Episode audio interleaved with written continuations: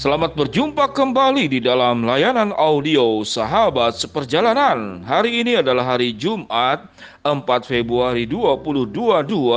Tema renungan dan saat teduh kita dengan judul Bahagia yang Sempurna. Bahagia yang Sempurna. Firman Tuhan terambil dalam Yohanes 20 ayat ke-29 tentang Yesus menampakkan diri kepada Thomas. Kata Yesus kepadanya, "Karena engkau telah melihat aku, maka engkau percaya." Berbahagialah mereka yang tidak melihat namun percaya. Mari kita berdoa. Bapa yang di dalam surga kami sungguh ingin belajar kebenaran firman Tuhan secara tepat dan benar tentang arti bahagia sehingga kami tidak mengejar sesuatu yang kami anggap bahagia namun sesungguhnya di ujungnya adalah penderitaan. Dalam nama Tuhan Yesus kami berdoa. Amin. Shalom sahabat seperjalanan yang dikasih Tuhan. Bahagia yang sempurna. Kalau ada yang sempurna berarti ada yang tidak sempurna. Apa ciri-ciri bahagia yang sempurna dan apa ciri-ciri bahagia yang tidak sempurna? Kalau bicara tentang bahagia yang tidak sempurna Saya gambarkan adalah bahagia Senin Kamis. Hari Senin bahagia, hari Kamis bahagia, hari lainnya tidak bahagia atau bahagia yang karena ditentukan oleh situasi dan kondisi. Tatkala ada kondisinya baik, situasinya baik, maka bahagia. Tatkala situasi dan kondisinya tidak baik, maka tidak bahagia. Atau bahagia yang tidak sempurna adalah bahagia karena karena keadaannya menyenangkan, karena saya diterima, karena saya dicintai, maka saya bahagia. Apa itu bahagia yang sempurna? Alkitab mengajarkan dalam Yohanes 20 ke 29 tentang bahagia yang tidak sempurna. Engkau melihat, maka engkau percaya. Engkau melihat, maka engkau bahagia. Tetapi firman Tuhan berkata, berbahagialah mereka dan yang percaya, yang tidak melihat namun percaya.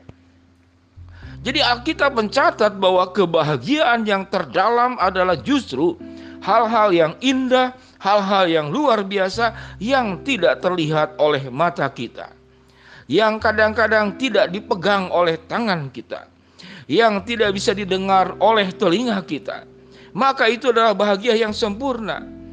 Di dalam kisah Yohanes 20 ayat ke-29, Thomas ingin meyakinkan bahwa itu adalah Yesus. Kalau tidak terlihat, dia tidak akan percaya. Maka Thomas sedang meragukan Tuhan Yesus itu ada tatkala Tuhan Yesus itu tidak terlihat. Jadi kalau Tuhan Yesus itu selalu terlihat, maka dia percaya itu berarti Tuhan itu ada. Demikian juga manusia sangat terbiasa untuk bahagia untuk hal-hal yang terlihat. Dan yang terlihat ini tentu adalah semua yang bersifat bendani, yang bersifat finansial, yang bersifat material, yang bersifat semua benda-benda secara fisika itu yang bisa dilihat oleh mata, bisa dirasakan oleh lidah, bisa disentuh, bisa didengar, maka itu kebahagiaan. Semua yang lewat indera, maka manusia itu anggap sebagai sebuah kebahagiaan. Tatkala tubuh kita sehat, kita bahagia. Tatkala kita bisa berjalan-jalan, kita bahagia. Dan sewaktu berjalan-jalan kita melihat semua yang terlihat. Dan kita merasakan lewat telinga semua yang kita dengar. Dan kita bisa merasakan keindahan dari semua yang kita tatap dengan mata. Dan yang kita bisa kecap dengan lidah kita. Semua yang enak. Sahabat seperjalanan yang dikasih Tuhan, mengapa Yesus berkata, Berbahagialah mereka yang tidak melihat namun percaya. Karena sahabat seperjalanan yang terlihat yang tidak terlihat itu jauh lebih indah, jauh lebih mulia, jauh lebih luar biasa. Saya ingin bercerita sahabat seperjalanan, kalau kita punya anak-anak masih kecil, apakah kita akan menjelaskan kepada anak-anak kita seberapa besar warisan yang akan diturunkan kepada anak-anak kita yang masih kecil?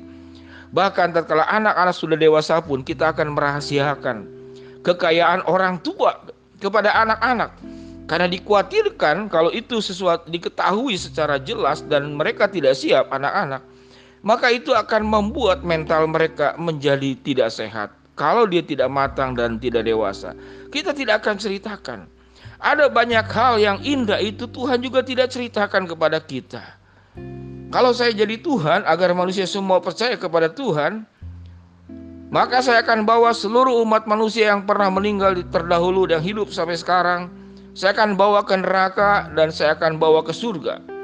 Kita akan melakukan katakanlah tur wisata ke neraka dan wisata ke surga. Lalu dijelaskan, inilah tempatmu dan engkau melihat sesuatu tempat yang sangat mengerikan dan tempat yang begitu sangat agung, sangat mulia, sangat membahagiakan. Lalu kita kemudian turun kembali ke dunia. Kita sudah melihat, maka kita akan berjuang untuk hidup baik-baik menjadi anak-anak Tuhan, menghindari dosa karena sangat menakutkan neraka itu dan sangat mengagumkan yang namanya surga. Mengapa Tuhan tidak melakukan itu? Tidak perlu. Allah tidak perlu melakukan semuanya itu karena Allah sudah hadir ke dalam dunia. Yesus sudah datang ke dalam dunia, maka urusan itu bukan melihat atau tidak melihat. Maka urusan yang jauh lebih penting daripada melihat dan tidak melihat adalah percaya.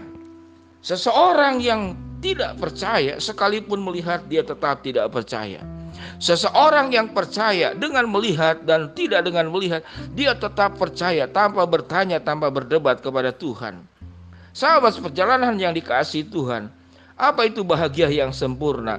Engkau bahagia yang sempurna bukan karena hanya sesuatu yang terlihat, tapi yang tidak terlihat.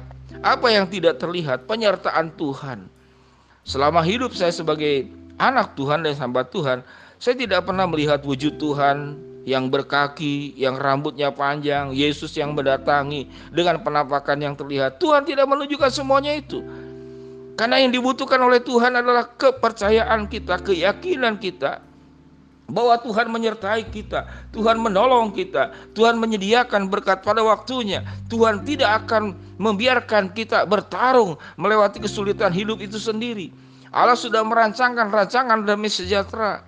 Allah sudah merancangkan masa depan yang penuh dengan harapan. Apalagi yang kita takutkan? Sehingga kebahagiaan itu yang terutama adalah kita tidak hanya berjuang untuk apa yang dilihat sekalipun yang dilihat itu penting. Kesehatan, finansial, kekayaan, keamanan, keselamatan, kelancaran.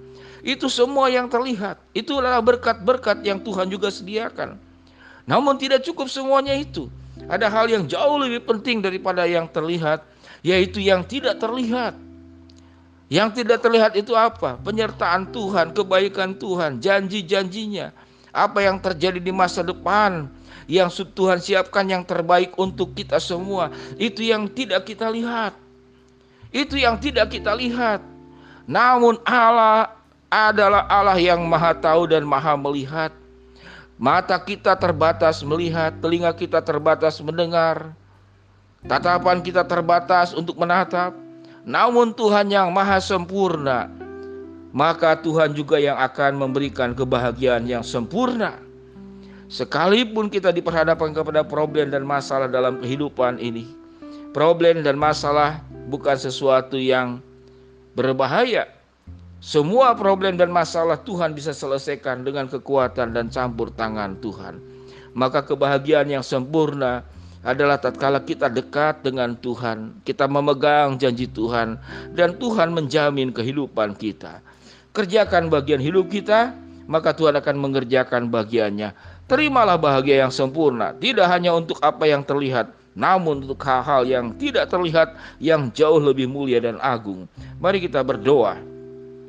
Bapa yang di dalam surga hambamu berdoa buat yang sakit Tuhan jamah sembuhkan. Buat sahabat perjalanan yang sedang menghadapi masalah Tuhan bukakan jalan. Buat sahabat perjalanan yang sedang berdoa memohon sesuatu. Tuhan akan kabulkan sesuai dengan waktu, rencana, dan kehendakmu. Di dalam nama Tuhan Yesus kami berdoa. Amin. Shalom sahabat perjalanan. Selamat memiliki bahagia yang sempurna. Amin.